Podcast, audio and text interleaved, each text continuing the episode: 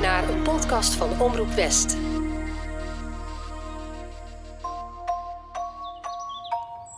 Ze was de stille burgemeester van Haastrecht. Eigenzinnig, soms verbitterd, maar ook een weldoener voor het dorp. Paulina Bisdom van Vliet. Wat liet zij Haastrecht na? Op het dorp gaan de wildste verhalen rond. Bij haar testament lag een geheimzinnig pakketje met brieven dat 100 jaar na haar dood geopend mag worden. En die dag komt steeds dichterbij. In deze podcastserie ga ik, journalist Liewe van Sloten, op zoek naar de erfenis van Paulina Bisdom van Vliet. Dit is Het Geheim van Haastrecht. Stel dat mijn theorie waar is, dan is ze ook niet als maagd in het huwelijk gegaan. Dat is natuurlijk ook al een schande. We zijn het helemaal als detective ongeveer gaan eh, naspeuren of het wel mogelijk is. Want, want één geheim van Haastrecht is niet genoeg. Nee, lang niet. En we wilden het heel graag, maar ik geloof dat het niet, niet mogelijk is. Welkom bij aflevering 5. Eigenlijk een soort bonusaflevering. Binnenkort wordt de inhoud van het pakketje bekendgemaakt en ik had beloofd met een nieuwe aflevering te komen zodra we weten wat erin zit. En op dit moment weet ik dat nog niet. Maar ik kon het toch niet laten om me deze zomer verder te verdiepen in het leven van Paulina. Op de een of andere manier laat zij, en vooral die mysterieuze erfenis, mij niet los. Zijn er wellicht nog familieleden van Paulina in leven? Of zijn er nog onbekende nazaten van mensen in haar omgeving? Het draait allemaal om dit pakketje. Het is een vrij forse envelop en het is ongeveer een kilo zwaar, dus het is ook flink dik. Het is dichtgemaakt met touwtjes en ook nog eens met zegellakken. Daar heeft ze dan haar eh, zegelstempeltje in gedrukt. Dus dan weet je ook zeker dat niemand het kan openen. En uh, ja, uh, daar zitten documenten in, dat, dat weet ik wel. Daarnaast zijn er nieuwe ontwikkelingen op het dorp. Ook daar hoor je in deze aflevering meer over. We beginnen in de overtuin. Er zijn sinds het uitkomen van de vorige aflevering meerdere dingen veranderd in Haastrecht. Bijvoorbeeld hier in de overtuin, tegenover het voormalig huis van Paulina. Prachtige plek waar Paulina zelf en haar hond begraven liggen. En vanaf het huis van Paulina gezien loop je over de slingerende paden Eerst door het tuingedeelte. Dat gaat over in een park en wordt naarmate je verder komt een bos. Ik vertelde in aflevering 3 al dat vrijwilligers druk aan het opknappen zijn. Nou, dat zie je. Maar er is nog iets. In aanloop naar de onthulling zijn hier 15 gedichten te bewonderen over Paulina Bisdom van Vliet.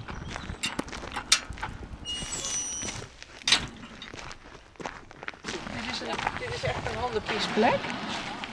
En, die, en dan neem je ineens een plek in van honden die uh, vertrouwd piezen.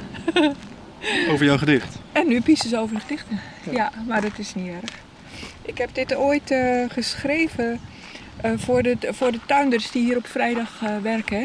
Dat ja. weet je, hè? Die, die houden de tuin zo prachtig. En uh, toen vond ik ergens een oude ansichtkaart van dat dat in de tijd van Paulina ook al zo was. Hè? De ploeg tuinlui waren hier dan aan het werk. En daar zat een heel klein jongetje aan, zo op zijn knietjes bij. En toen dacht ik, ik ga voor die tuinlui een gedicht schrijven. Dat is deze. Kun je hem eens voordragen? Ja, is goed. Niet uit mijn hoofd, ik lees hem maar gewoon op. Hè. Tuinlui horen de deur en leggen het werk neer. Een kleine jongen laat zijn kantensteker vallen als hij naar het hek toe rent. Elke dag rent hij naar het hek. Haar rok sleept over het grind tot ze de hoek om is. Ze zoekt vanzelf de zachte zijkant van het pad onder de iepen. De voeten vlugger. Het hoedelint moet los voor ze een hand op de steen legt. Elke hand dag haar hand op de steen. De rok, de hoed, de hand, de steen nog elke dag. De jongen doet het hek achter haar dicht. Het werk gaat door.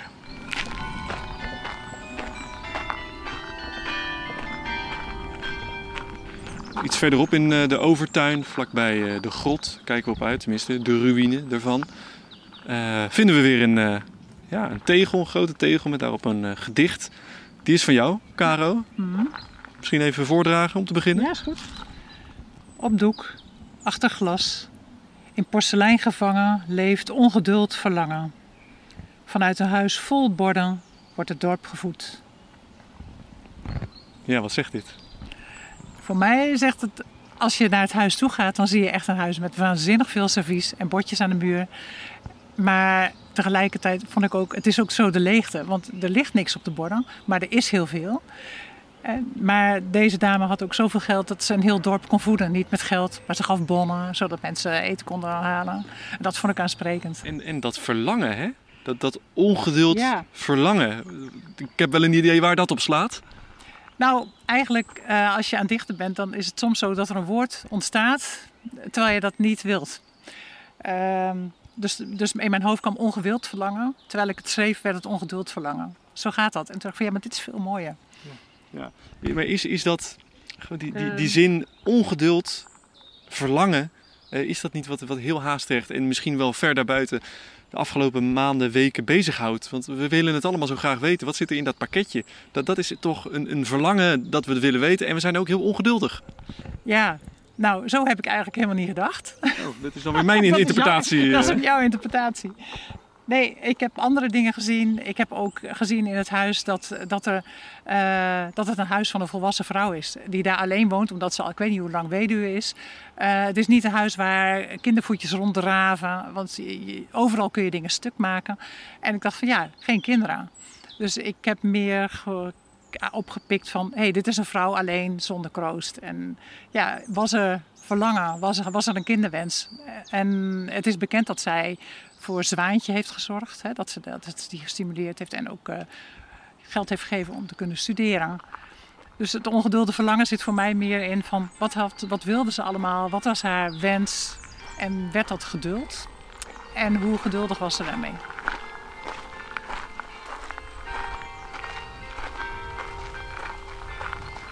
Ik weet dat Paulina geen kinderen had. Dat maakt de nalatenschap erg interessant, maar ook lastig. Want er zijn geen familieleden om op te sporen. Wel zijn er kinderen en kleinkinderen van mensen met wie Paulina contact had. Rieneke de Bie is zo iemand. Een vrouw met kort blond haar, een zwarte bril, die graag vertelt over haar relatie met Paulina Bisdom van Vliet. Zij is namelijk familie van Treintje Verboom. En Treintje, dat weten we nog uit aflevering 2, was de dochter van tuinman Cornelis Verboom. Paulina was erg gesteld op Treintje, maar later sloeg dat helemaal om. Daarover straks meer. We weten veel over hun relatie vanwege de brieven die Treintje en Paulina aan elkaar schreven toen Treintje in Amsterdam studeerde voor basisschooljuf. En die brieven zijn in handen van Rieneke. Ik ontmoet haar in Haastrecht. Nou, daar zitten we dan, eh, bij de bakker. Wat heb je allemaal op tafel liggen? Nou, heel veel. Ja. ja, ik heb alles wat ik eh, maar enigszins kon vinden over Trein, Paulina en aanverwante familie eh, meegenomen. Doe even naar die, die foto op die voorpagina, Ja. want het is een mooie, ja, het is, eh, een mooie foto, zwart-wit. Ja. ze draagt een, een, een jas, een nette jas met daaronder een, ja, een nette outfit met echt zo'n kraag, hè, met een kettingje om ook. Oh, daar komt de koffie. Dankjewel. Dankjewel. Koffie van de bakker krijgen we gewoon gesponsord. Nou, dankjewel. Super service. Nou, Koekje erbij zelfs. Lekker. Je noemt haar trein. Ja. We hebben het over eh, treintje natuurlijk. Vertel nog eens even eh, hoe zij aan jou is gerelateerd. Ja. Eh, Trein is de zuster van mijn grootvader. Dus de tante van mijn moeder. Ja. Van de familie Verboom dus. Ehm, mijn moeder, haar vader wa- kwam uit een gezin van vijf kinderen. Ehm, daar was hij de jongste van. Hij had een zus, was onder andere Trein. Hij had nog een zus, Lena, Willem, Alewijn. Eh, die is ook wel belangrijk. En, ehm, dus het was eh, van Cornelis. En Cornelis was dus de tuinman. Dat is dan de relatie een beetje weer Ja. met Paulina. Was de tuinman of tuinknecht bij Paulina. Ehm, en Trein was de tante dan van mijn moeder en eh, speelde in dat gezin, in die familie, best wel een eh, prominente rol. Zij hadden geen kinderen. Zij is getrouwd met Herman Schook. Hadden geen kinderen, maar zij was eh, heel erg met alle neven en nichtjes altijd in de weer. En ze nam ze altijd mee met uitjes naar Amsterdam. Zij woonde in Amsterdam later in het onderwijs. Eh, Paulina heeft haar opleiding dus bekostigd. Hè? Daarom is die link ontstaan en die eh, briefwisseling. Ehm, zij nam alle kinderen, dus de nichten en de neven, nam ze graag mee voor uitstapjes in Amsterdam. Ging ze bezienswaardigheden laten zien. Eh, ze deed spelletjes met ze. Ze gaf altijd hele mooie educatieve cadeautjes aan de kinderen. Dus ze was, ze was wel een, nou ja, een tante die er... die aanwezig was, zeg maar. En Ze had een bijzondere relatie dus ook met Paulina Bisdom van Vliet. Hè? Wat weet je over die relatie tussen die twee? Ehm, nou ja, wat ik begrepen heb, wat me ook best wel verbaast, is dat ehm, Paulina heel erg geïnteresseerd was. eh, dat vind ik best zelf wel bijzonder. Geïnteresseerd was in, eh, in haar personeel, in haar bedienden en dus ook de kinderen van haar bedienden. Dat gaat nog een stapje verder. Hè, dat ze, ehm, de trein blijkbaar wel eh, potentie zag dat hij verder kon leren. En ehm, zij heeft dus haar opleiding bekostigd tot kleuteronderwijzeres. Ehm, en daarna, of tijdens die opleiding of daarna, is, eh, is er een briefwisseling tussen hen beiden ontstaan. En die brieven zijn dus heel bijzonder, want die geven zo'n enorm tijdsbeeld, wel 15, 20 jaar lang, van eh, ja, hoe zij leefde. En vooral van Paulina, want het zijn de brieven van Paulina natuurlijk. Van Treintje is niks meer teruggevonden, dus de brieven terug zijn niet gevonden. Daar heeft Cor van Zomeren zich nog in verdiept, of hij Ja. eh, nog wat brieven heeft kunnen vinden, maar niks. Ik ook niet.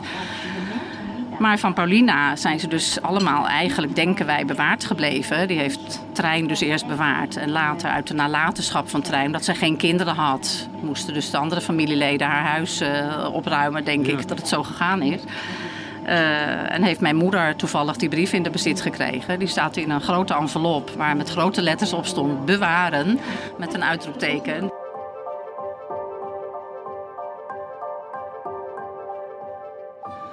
Heb nog ik heb wat brieven uitge, uitgeschreven, Ja? zeg maar. Oh, ja. Waar echt op een gegeven moment eh, ja, de verwijdering. eh, in het begin is ze helemaal complimenteus Ja. en trots op haar. En helemaal gelukkig ook met haar eh, succes op school en met, in de betrekking, dat alles goed gaat. Ik heb ze niet allemaal helemaal gelezen hoor, van voor naar achter. Maar goed, dit komt er echt uit. In het begin allemaal leuk en geweldig. En bedankt voor een mooi cadeautje. En, en zij stuurt Treintje altijd cadeautjes. Ja. 10 gulden. 10 gulden.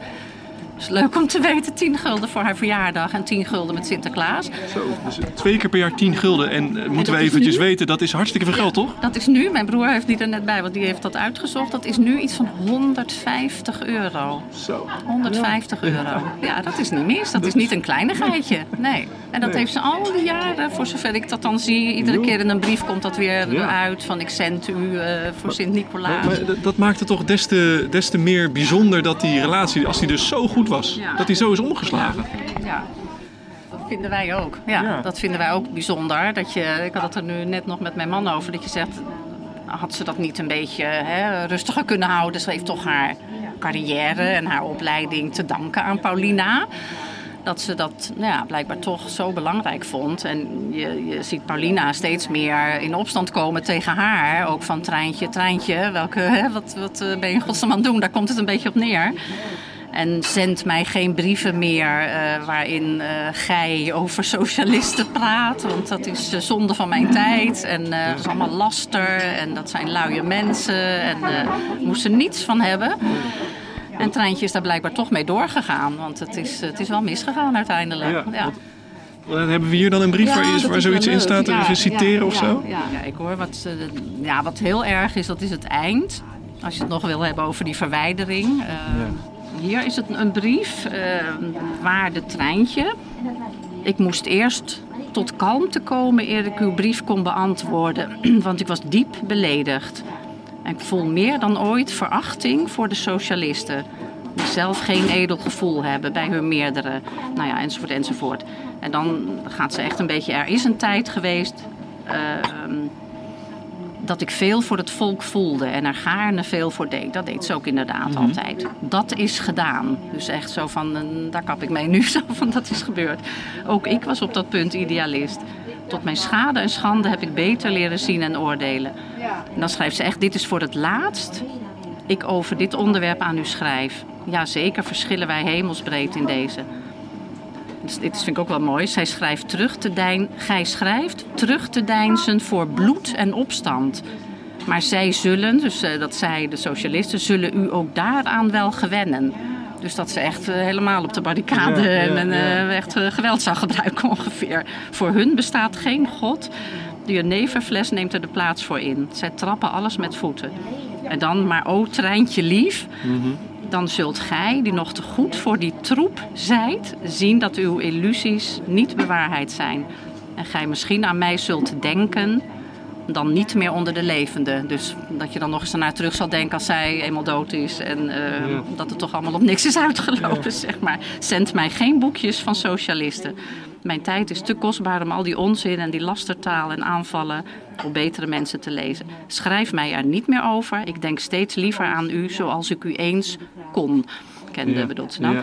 En dan het eind. En dan denk ik zelf een beetje, misschien is dit wel de laatste brief geweest. Want zo eindigt ze nooit in brieven. Wat ik gelezen heb althans. Mogen het u goed gaan? Nou, dat schrijf je mee- niet aan, eh, onder elke brief, denk ik. En God u de ogen openen voor het te laat is. Daarin zal zich oprecht verheugen uw toegenegen oude vriendin mevrouw de Montigny. Ja, dit lijkt een beetje op een laatste brief. Maar...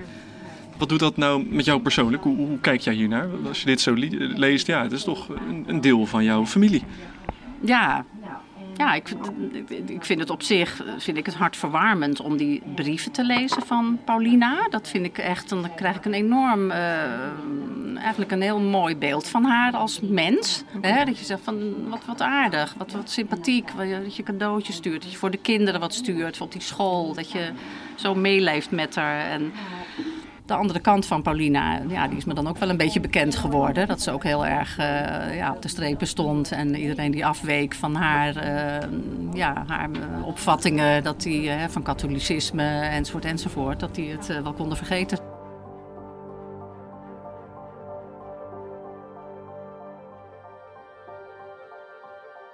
Niet veel mensen durven het hardop uit te spreken, maar in Haastrecht wordt het wel gefluisterd. Het mij in eerste instantie ook onwaarschijnlijk, maar ik ben het toch gaan uitzoeken. Wat als de inhoud van het pakketje de bekentenis is van een buitenechtelijk kind?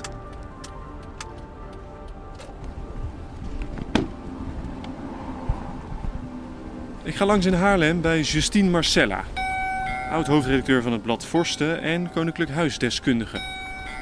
Wat zou zij denken van dit idee? Goedemorgen, hallo daar. Zo, hi. Liewe. Zo, in de woonkamer, het boek ligt klaar. Koffie staat ook klaar, lekker. Ja. Zit je er ook weer netjes bij, zeg? In een eh, kostuum, hakken. Je weet dat dat een podcast is, hè? Ja, dat weet ik, maar ik, heb, ik zie er altijd... Ja, ik ben niet echt een, een spijkerbroeken t-shirt eh, type.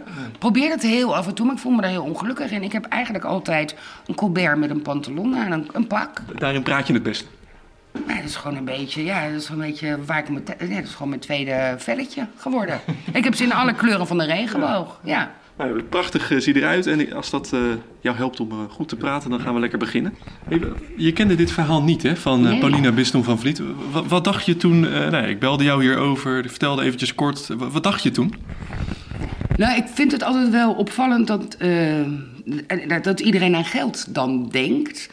Terwijl, nou ja, dat zou natuurlijk leuk zijn. Dat zou ik Haastrecht erg gunnen. Maar ik denk eigenlijk wel wat anders meteen. Eigenlijk speculeer ik nooit, zeker niet als het over royalty gaat. Maar goed, je vroeg me hier er toch even over na te denken.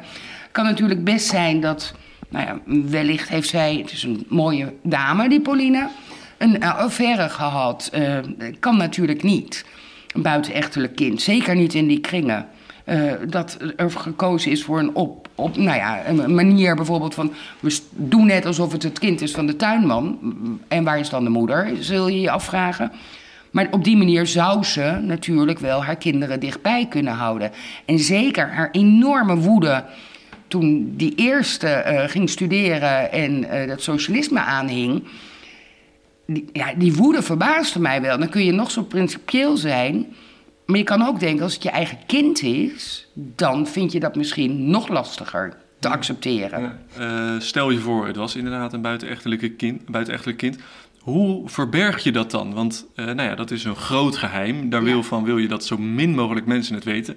Maar er zijn altijd mensen die dit weten. Hoe? Waarom? Dan- er zal toch iemand haar hebben begeleid bij het, eh, Als zij... Het, eh, het baren van het kind, eh, qua zorg. Nou, dat hoop, dat hoop je, maar dat hoeft natuurlijk niet. Ehm, eh, eh, je kan dat op reis doen, hè? ergens anoniem. je gaat op reis en je buik laat je daar groeien en het kindje wordt geboren. En opeens heeft de tuinman een, een dochter, ik noem maar wat. ja. Maar goed, dan weet dus de tuinman ervan. Ja, Dus dan weet één iemand het, in ieder geval. Nou, dan weet één iemand het. Ehm, maar dat zijn wel goed eh, gebleven geheimen natuurlijk. Hè? Prins Bernhard had twee dochters. Wist ook niemand totdat hij... Nou ja, we wisten wel iets. We vermoeden ook wel heel veel. Maar het werd pas officieel toen hij dat zelf toegaf. Dat is een latere periode. Met veel meer media. eh, en een nog belangrijker persoon dan Paulina. Dus geheimen kunnen echt bestaan. Ook Ja. bij haar. Dus, dus praktisch zou je dat dus kunnen eh, eh, bedekken door eh, op reis te gaan lang. Of ook misschien door die wijde kleding. Nou ja, bij de kleding kan natuurlijk. ehm, ik zie haar wel hier op foto's met een aangesnoerde taille, maar ook weer niet à la Sissy. Het is niet eh, 45 centimeter. En als je bijvoorbeeld als je visite krijgt en je zit en je doet een leuk handwerkje voor je buik, valt dat ook niet zo op. Dus ook dat is wel. Eh, en we worden niet allemaal tientonners hè, als we in verwachting zijn. Ehm, dat is ook nog wel te verbergen. Als je voor de rest zorgt dat je fit en gezond bent, hoef je niet eh, heel erg groot te worden. Dat is ook per zwangerschap verschillend. Maar het is te verbergen. Dat werd vroeger natuurlijk heel veel gedaan. Als het dan dus die buitenechtelijke kinderen zou zijn. eh, wat- Of één, hè. Of één. één. Ehm, eh, wat zou dat dan dus betekenen voor eh, de families daarvan? Zouden die dan iets eh, recht hebben op een deel van de erfenis van het huis? Eh, ja, wat zou, wat zou dat voor hun kunnen betekenen? Behalve erkenning. Nou, dat, ligt eraan wat ze daarover vast heeft gelegd natuurlijk. Ik geloof niet dat je nu na 100 jaar alsnog je kindsdeel kunt opeisen. Dat, dat lijkt mij niet. Eh, voor het museum hoop ik dat ook niet. Ehm, en ja, ik ben, ik ben geen jurist, dus dat weet ik niet helemaal precies. Ik denk wel en weet dat het voor buitenechtelijke kinderen heel erg belangrijk is om erkend te worden. Maar goed, 100 jaar geleden, die zijn er ook niet meer, die, die nazaten. Maar daar de nazaten misschien wel. En ik denk dat het, eh, nou ja, minimaal heel interessant voor je is om te weten eh, waar je. Doe- Ik heb ook mijn overgrootmoeder aan de muur hangen. Ja. Het is interessant om te weten waar je vandaan komt en waar je wortels liggen. En waarom is dat interessant om te weten? Ja, dat kan ik nooit eigenlijk helemaal goed uitleggen. Dat vraag ik mezelf ook altijd af. Waarom vind ik dat zo leuk om zo diep in mijn stamboom te duiken? Eh, ja, ik vind dat interessant om te weten. Het zijn juist, denk ik, dit soort ge- familiegeheimen. eh, en zeker in die tijd toen zij overleed, was dat natuurlijk ook nog steeds echt een taboe als je een buitenechtelijk kind had. Helemaal natuurlijk omdat het huwelijk verder vruchteloos is gebleven. En dan heb je wel voor het huwelijk, dus dan betekent ook, stel dat mijn theorie waar is, dan is ze ook niet als maagd in het huwelijk gegaan. Nou, dat is natuurlijk ook al een schande. Dus het is schande op schande op schande. Ja, natuurlijk dat je denkt, als ik daar honderd jaar overheen laat gaan, misschien is de wereld dan anders. Kijken we daar met een andere bril naartoe en kunnen in ieder geval mijn naasten en mijn huidige dorpsgenoten niet me uitlachen of op me neerkijken. Eh, dus ze heeft zichzelf en haar naasten daarmee, denk ik, willen beschermen. Omdat het echt toen een grote, grote schande had geweest. Als het klopt.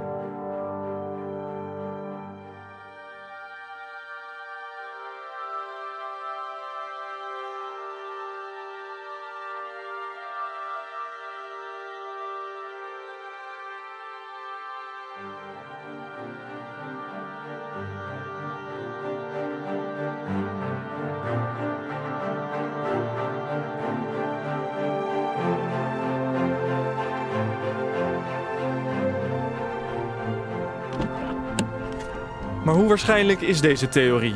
De theorie dat Treintje eigenlijk een kind van Paulina is. Justine Marcella staat goed aangeschreven en is doorgaans goed geïnformeerd. Maar ze staat ook wel een beetje bekend als roddeltante. Volgens haar zou het kunnen omdat het ten eerste vaker gebeurde in die kringen. En als het gebeurde, kwam het pas laat aan het licht. Bijvoorbeeld bij prins Bernhard. Verder zegt Justine dat het kind vaak wel dichtbij opgroeide. Bijvoorbeeld door te zeggen dat het een kind van de tuinman is. En ten derde suggereert ze dat vrouwen op stand, zoals Paulina, in het geval van een zwangerschap op reis gingen om het te verdoezelen. In hoeverre is dit waar? Laten we beginnen met de reis. Dat klopt. In het jaar dat Treintje is geboren, in 1865, als Paulina zelf 25 jaar is, maakt ze met haar ouders een reis naar Zwitserland en Italië. Dat weten we dankzij brieven. Bijvoorbeeld eentje op 27 juli vanuit Brieg. Die schreef ze aan haar beste vriendin Wilhelmina Hendrika Blanken, ook wel Mientje genoemd. Dan, het kind groeit vaak dichtbij op. In het geval van Treintje klopt dit ook. Treintje kwam als dochter van de tuinman vaak bij Paulina over de vloer. En de twee hebben toen Treintje ouder werd lang contact gehouden. En de bekentenis ervan? Ja, dat zou dan uit de inhoud van het pakketje moeten komen. Tot zover zou het allemaal kunnen. Terug naar Rieneke. Wat ik zei dat er in het pakket zit? Zo, zet de koffie eventjes weg. Die is op. Ehm, onze gesprekstof nog niet. Want eh Rieneke, ehm, ja, je bent dus eh, gerelateerd aan Treintje. Er is veel briefcorrespondentie geweest tussen Treintje en Paulina. Ik, noem even de feiten. Hè? Eh, wat zou dat kunnen zeggen over het pakketje? Ehm, zou Paulina iets kunnen na hebben gelaten voor Treintje of voor familie van Treintje? Bijvoorbeeld voor jou? Nou, als dat zou kunnen. Nee, dat denk ik niet. Ik denk voor Treintje ook niet, eerlijk gezegd. Want ik denk dat dat, eh dat hij het te bond heeft gemaakt in haar eh, ogen, eerlijk gezegd. Ja, om- omdat die relatie zo bekoeld is geworden. Ja, dat, ja, ik denk dat Treintje de glazen heeft ingegooid, eerlijk gezegd. Want eh, dat had ze beter niet kunnen doen. Dan had ze misschien nog een kansje gehad. Eh, nee, ik heb geen idee. Maar het is natuurlijk... Nou ja, het is natuurlijk iets wat je honderd jaar later pas bekend wil hebben, zeg Ja. maar. Dat moet iets zijn wat niemand dan meer kan beschadigen.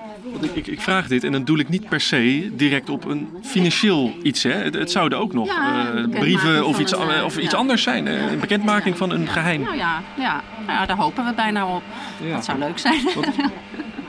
we hopen bijna op iets, iets heel grappigs. Dat je zegt, oh, weet je wat zo- dat, dat eruit komt. Wat, eh, niet Zoals? alleen maar een document. Weet je, we hadden het nog daarnet over. Van als het maar niet zo'n saai document is. Wat, eh, dat je zegt, oh, nou, oké. Maar dan nog, welk document wil je 100 jaar Maar- gesloten houden? Ja, meer van, zou het iets kunnen zijn in relatie tot Treintje? Nou, dat denk ik niet. Dat denk ik niet. Nee, dat kan ik me niet voorstellen dat ze daardoor nog op terug zou komen. Want het is ook twintig jaar voor haar dood is eh, die relatie waarschijnlijk al beëindigd. Dus ze heeft de laatste jaren, lange jaren van haar leven geen contact meer gehad, voor zover wij het weten. Die brieven eindigden een beetje in 1900 en zij is in 1923 overleden. Dus ja, dan zou ze ineens nog op iets terug moeten komen wat heel lang geleden is geweest. Maar wat denk jij dan wel? Ja, ik weet het niet. Ja, nogmaals, eh, er gaat een verhaal in onze familie een beetje als grapje dat uh, Alewijn, dat is dus ook nog een broer van Treintje, dat, die lijkt uh, sprekend op Johan Lefebvre, haar man.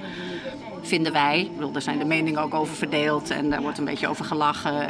Ik vind hem ook wel heel erg op hem lijken, maar goed, er lijken misschien wel meer mannen in die tijd sprekend op elkaar. Ja, je, hebt, je hebt dat zelfs, uh, dat zelfs zo. Uh, je denkt het zo erg dat, dat er foto's. Je hebt foto's uitgeprint van de heer Alewijn en Johan Jacob naast ja, elkaar. Ja.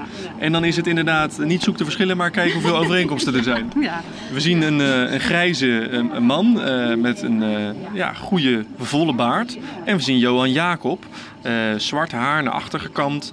Ook wel met een goede baard, maar meer een snor. En bij zijn kin is het dan even leeg. Um, ja, ze kijken alle een beetje, allebei een beetje beduust uh, als je goed in de ogen kijkt. Ja, met heel veel fantasie hoor, lijken ze op elkaar. Ja, vind het veel fantasie? Oké, nou ik vind de, de, andere foto dat Alewijn nog jong is. Uh, op de andere foto, uh, één is die oud en één is die jong. Daar vind ik hem nog wat meer op hem lijken, maar dat is een hele vage foto inderdaad. Dus het kan niet. We hebben het uitgezocht. Een nicht van mij heeft het ook uitgezocht qua data, qua dat hij op reis was. We zijn het helemaal als detective ongeveer gaan uh, naspeuren of het wel mogelijk is.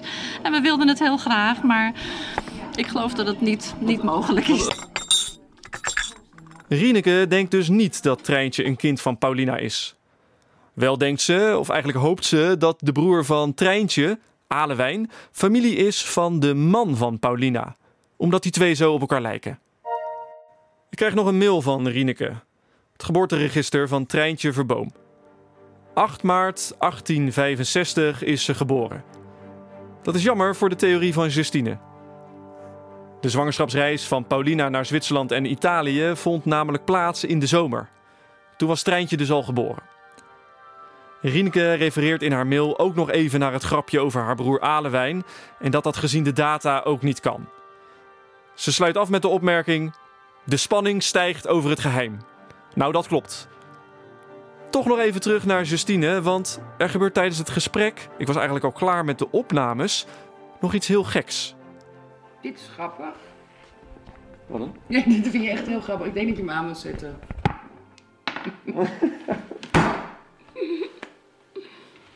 ik krijg Sorry, nog één keer. Ik krijg gewoon helemaal een rode kleur. Ehm, nou, hier staat, ik zie zo'n klein fotootje. De eerste steen gelegd door Theodorus Pieter Viruli. Ja. Moment. En dat is de eerste steen van het eh, gebouw Concordia. En eh Viruli was toen burgemeester hè? in Haastrecht. Ik laat je even wat... Van mijn voorvaderen zien. Ja. Viruli staat hier. Viruli. Ja. En het, het wapen. Ja, dat is, dat is familie. Dus jouw familie is. eh, Marcella Viruli.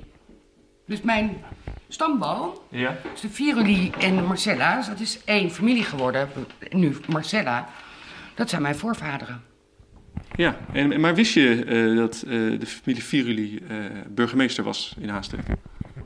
Nee, Dit is, dit is want het. ik, want ik heb ja, want dit is het- stamboom hierbij. Ja, pak hem er even bij. Dit is het eh, familiewapen. Prachtig trouwens. Blauw met geel met drie hoefijzers op het schild. Ja. Hoe zit dit? Het gaat om de halfzus van Paulina, Agidia Ledeboer. Zij was ook een dochter van de moeder van Paulina en trouwde met Theodorus Viruli. Hun zoon, Jan Viruli, was dus een neef van Paulina en hij werd burgemeester van Haastrecht. Zijn kinderen legden de eerste steen van Concordia. Kijk, het komt, nou, de Viruli zit aan twee kanten. Omdat ook in mijn familie eh, een neef en een nicht met elkaar zijn getrouwd. Dat was toen niet zo gek. Als je, je moest wel op stand trouwen. Of van gelijke stand. Nou, neef en nicht weet je zeker. Jan Viruli, Cornelis... Ma, Cornelia Maria... Ja, dat is dus... Kijk, die dame daar aan de deur bij mij, dat is een Viruli. Dat is mijn overgroot eh, oma. Ja, Overgrootmoeder. overgrootmoeder. Dus de moeder van mijn oma. Juist. Mm, dit was, even kijken of ik die kan vinden. Theodorus. Theodorus Pieter inderdaad. Theodorus. En dan, ja. Ja, het is echt eh, familie, sorry. Theodorus Pieter Viruli. Ja. Dat was hem. Ja. ja, die heeft de eerste steen gelegd. Ja, dus het is een broer van mijn, eh, van mijn eh, voorvader. Ja. Grappig dit. ja, een klein wereldje eigenlijk wel weer. Zijn we een paar miljoen inwoners verder, inmiddels natuurlijk. Ja, is toch wel weer een kleine wereld. Nou, dat vind ik wel weer heel grappig. Ja, want ook jij hebt dus een link met Paulina Biston van Vliet. Ja, dat merken we nu. nou, lijk ik een beetje op haar, vind je? En dan de theorie over het museum. In het pakket zou een document zitten waarop staat dat het museum moet ophouden te bestaan. Althans, dat hoor ik geregeld. Daarbij hoor ik dan ook gelijk. Maar dan gaan we het proberen te negeren. Want we willen niet dat het museum dichtgaat. Mag dat eigenlijk wel? Wat is de juridische waarde van het pakketje? Voor die vraag ga ik langs bij Pim Huigen, emeritus hoogleraar aan de Universiteit Leiden. Dat wil zeggen een professor met pensioen, gespecialiseerd in het erfrecht. Ja, goedemiddag. Goedemiddag, hi. Hallo. Liewe. Ja, Kijk, stevige handdruk. Goedemiddag. Kan ik te drinken inschenken? Eh, ja, heb je koffie of iets? Ja, dan moet ik even zitten. Heb je er melk in? Of, eh, ja, doe maar een scheutje melk. eventjes, kan nog een beetje bij. in de woonkamer. We hebben de uh, documenten uitgeprint en die uh, liggen op tafel. Als ik zo omheen kijk, zie ik natuurlijk veel boeken, maar ook schilderijen met een mooie gouden lijst. En Pim, ja, professor met pensioen. Ik verwachtte een stoffige hoogleraar in een, in een pak. Maar je zit er eigenlijk hartstikke modern bij in een, gewoon in een blouseje. Dank je. Dat uh, is natuurlijk altijd goed om te horen dat je jonger wordt ingeschat dan je bent. Dus uh, ja, wat dat betreft maakt mijn dag weer helemaal goed. Dan eventjes over Paulina. Ja, het pakketje. Ik heb een foto ervan uh, jou doen toekomen. Zeker. Um, ja, het is natuurlijk nog steeds bewaard gebleven, verzegeld met touwtjes eromheen. Uh, maar wat is nou de juridische waarde van zo'n pakketje met, met die tekst erop dat Paulina heeft nagelaten? Ja, um, misschien moet ik sommige mensen een beetje teleurstellen, maar de juridische waarde is toch maar beperkt. Uh, eerder zag ik al uit stukken dat er wel over gesproken werd als een codicil. Uh, en een codicil. Ja, wat is een codicil? Een codicil is een aparte vorm eigenlijk van wat we deftig noemen uiterste wilsbeschikking. Dus net iets anders dan een echt testament. Maar het staat wel in het burgerlijk wetboek geregeld, zowel in het huidige erfrecht als in het oud-BW-erfrecht dat gold toen mevrouw Bisdom van Vliet haar testament maakte. En dat is een eigenhandig geschreven stuk en dat moet ondertekend zijn, dus met je handtekening, en ook gedateerd zijn. En dit pakketje, daar staat wel eigenhandig geschreven alles op. Er ja, staat... het heeft dan dus eigenlijk, hoor ik je zeggen, drie voorwaarden. Het moet ja. met de hand geschreven, het moet uh, met een handtekening uh, eronder en er moet een datum op zijn exact. staan. En dit pakketje voldoet daar? Helaas net niet op één punt aan, namelijk het is niet gedateerd. Er staat alleen, ja. dit pakket mag 100 jaar na mijn dood worden geopend. En dan staat er de handtekening van mevrouw Bisdom van Vliet onder. Maar geen datum. Dat is één. En er zijn ook eisen aan de inhoud van een codicil. Want de wetgever heeft willen regelen, al in 1838, vanaf dan ongewijzigd gebleven. Je kan dan maar heel beperkt dingen mee regelen. Te weten, kleding van jezelf vermaken, juwelen. Uh, vroeger kon je ook nog een executeur benoemen, dat kan nu niet meer daarbij. Uh, en individueel omschreven meubelstukken of sieraden vermaken. Ja, dus wat sommige mensen vrezen van, kan ze daarin bepalen dat het museum moet worden gesloten? Dat kan niet geldig in een testament. Uh, sorry, in een codicil. Ja. Dat had Om, omdat in... het geen codicil is. Om de, A, omdat het geen codicil is. Maar B, al was het een codicil, dan had die bepaling dan niet in kunnen staan. Want dat gaat niet over juwelen of meubelstukken of wat. Dat gaat over een nadere bepaling over haar museum. Ja, dat, dat kan helaas niet. Dus zij, er waren goede redenen voor haar om dat testament te maken. Nou, we weten, ze heeft ook een testament gemaakt. Uh, maar waarom dan toch aanvullend uh, zo'n... Nou ja, het is dus geen codicil, maar het pakketje. Ja, dat de wetgever heeft dat denk ik met name ooit mogelijk gemaakt voor mensen die, laten we zeggen, heel oud op het laatst, zonder dat ze weer helemaal naar een notaris moeten. Moet je voorstellen, in de 19e eeuw moest je in een koets stappen, ook bij Bisdom van Vliet misschien hoor, rond de jaren 20, om een notaris in een dorp verderop te bereiken. Uh, dus dat wordt een hele moeilijke toestand. Uh, en dat je dan tot op het laatst ook kon je je mening makkelijk veranderen om bepaalde juwelen en of meubelstukken. Dan zegt nou die zilveren suikerpot die gaat toch naar mijn nichtje X of naar de buurvrouw Y. En dat kan je dan even zelf makkelijk schrijven in zo'n gedagtekende stuk.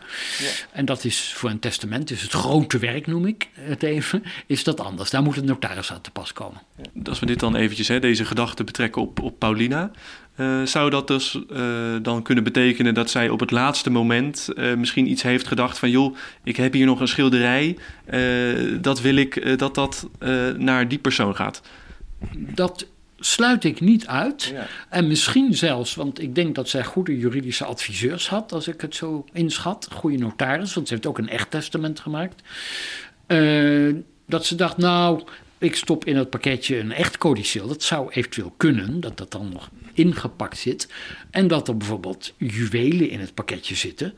Uh, die ze, waarvan ze bepaald heeft dat dat naar X of Y zou moeten. Ja. Hè, of naar dorpshuis Concordia. Dat, dat, dat, dat zou kunnen.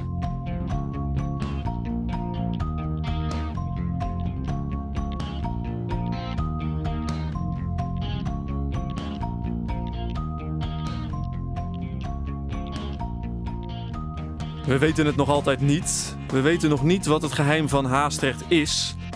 En alsof die soms gekmakende gedachte nog niet genoeg is, is er een nieuw geheim van Haastrecht in aantocht. Een nieuw geheim van de nieuwe generatie. Ik ga weer naar het museum, of eigenlijk het gebouw ernaast. Kom je ermee? Hier in het koetsenhuis. Dit fungeert als een soort kantoor voor de stichting Paulina Bisdom van Vliet. Boven wordt op dit moment ook vergaderd. Maar het is ook de plek waar je komt als je het museum bezoekt om je aan te melden. Je kan dan eventjes ook je jas ophangen. En, eh, hier in deze ruimte staat op dit moment een kist. Groene kist. Komt ongeveer tot de hoogte van mijn heup. Is een, eh, iets meer dan een meter lang. En deze kist bevat nieuwe geheimen van Haastrecht. Stalen verfblikken zie ik opgestapeld in de kist. Met daarop eh, het, eh, de, de naam van degene die hem erin heeft gezet. Ja, aluminium. Sommige hebben nog wat eh, teksten erbij. De blikken zijn door sommigen versierd. De kist is bij hoge uitzondering voor de podcast eventjes tijdelijk open. Ja. Maar ook omdat er nog wat eh, geheimen bij komen. Dit zijn tijdcapsules. Eh, Ja, en eigenlijk nieuwe geheimen van Haaster, eh. Lodewijk Borms. Ja, Eh, zijn, jij hebt dit idee eh, bedacht. hè. Door wie zijn deze verfblikken gevuld? Door de kinderen van de basisscholen in Haastrecht. We hebben een, aan alle leerlingen zo'n blik uitgedeeld. Althans, dat is door de school gedaan. En die kregen dus de gelegenheid om ze terug in te leveren. In eerste instantie dachten we aan het kind op zich. Maar toen zei de, de hoofden der school, zei, waarom kan je niet een blik maken voor het hele gezin? Dus een heleboel blikken zitten meerdere dingen voor meerdere kinderen en voor de ouders in. En sommige zijn alleen door de kinderen eh, gevuld. Maar wat erin zit, dat kan ik alleen maar raden. Ik weet in ieder geval van mijn eigen kleinkinderen dat ze daar de foto van de poes en een foto van de kinderen, eh, hun broertjes en zusjes hebben gedaan.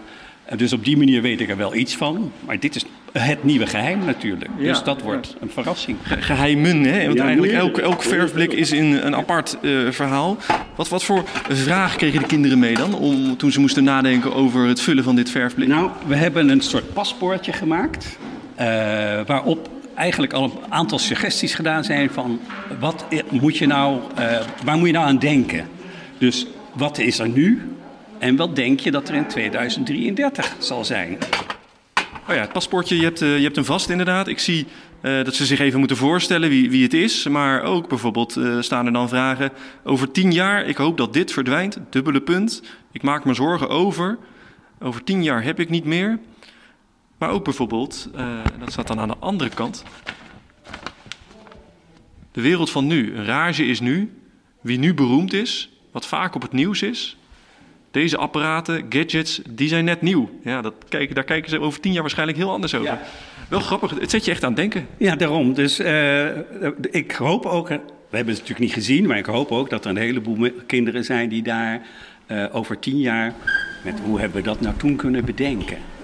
Goedemorgen.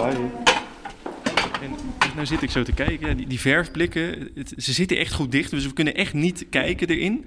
Maar ja, eh, wat, wat zouden ze daarin hebben gestopt, eh, denk je?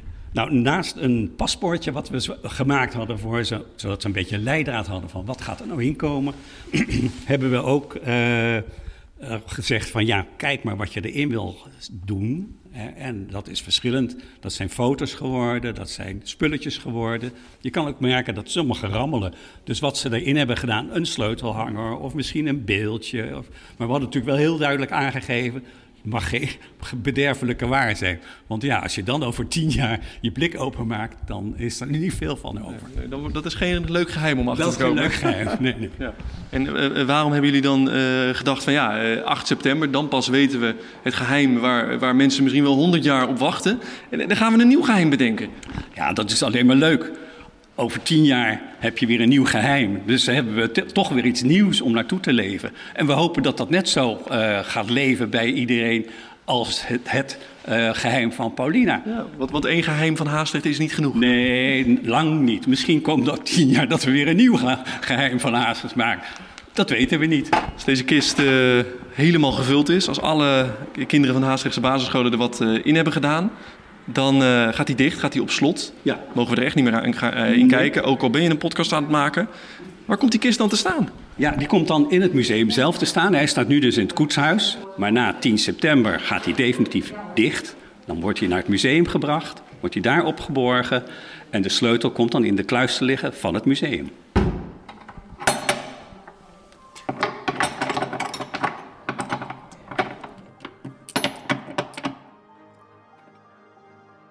Het is bijna zover. De grote onthulling. Om de verwachtingen, vooral bij mezelf, te temperen, citeer ik uit haar dagboek. Dit schreef Paulina vlak voor haar overlijden. Over mijzelf zullen deze bladeren niet spreken. Mijn leven is van te weinig betekenis geweest. Nou, Paulina, daar ben ik het niet helemaal mee eens. Voor mij heeft jouw leven heel veel betekenis gehad en ik heb het behoorlijk vaak over jou gehad. In de volgende aflevering de ontknoping. Daarin uitleg over de inhoud en natuurlijk reacties. Passend om deze aflevering af te sluiten is denk ik het gedicht dat Caroline van Amerongen schreef over het pakket. Je hoorde haar aan het begin van deze aflevering haar gedicht voordragen. Maar net zoals bij mij kon ook zij het verhaal van Paulina niet uit haar hoofd krijgen. Het leidde bij haar tot een nieuw gedicht. Briefgeheim. Onwetendheid zet aan tot nieuwsgierig leven. Ontwar wat je voorging en beïnvloedt je pad. En pas bij het ontsluieren ontdek je wat je mist, als je weet. Wat moet dit dorp nu het leest wat jij toen schreef?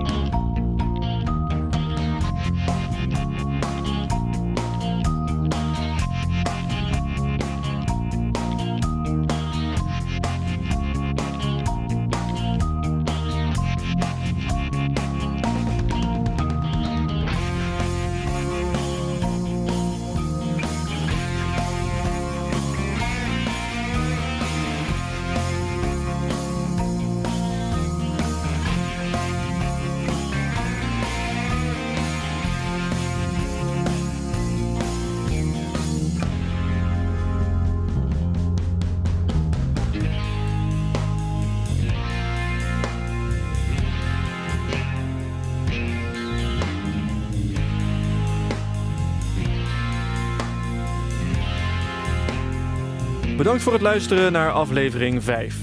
Vond je dit een leuke aflevering? Laat dan een review achter, geef een rating en deel hem met vrienden. Je mag mij ook persoonlijk laten weten wat je ervan vond. Stuur gerust een bericht via de Instagram-pagina Het Geheim van Haastrecht. Blijf geabonneerd om de volgende aflevering niet te missen. Luister ook naar andere podcasts van Omroep West.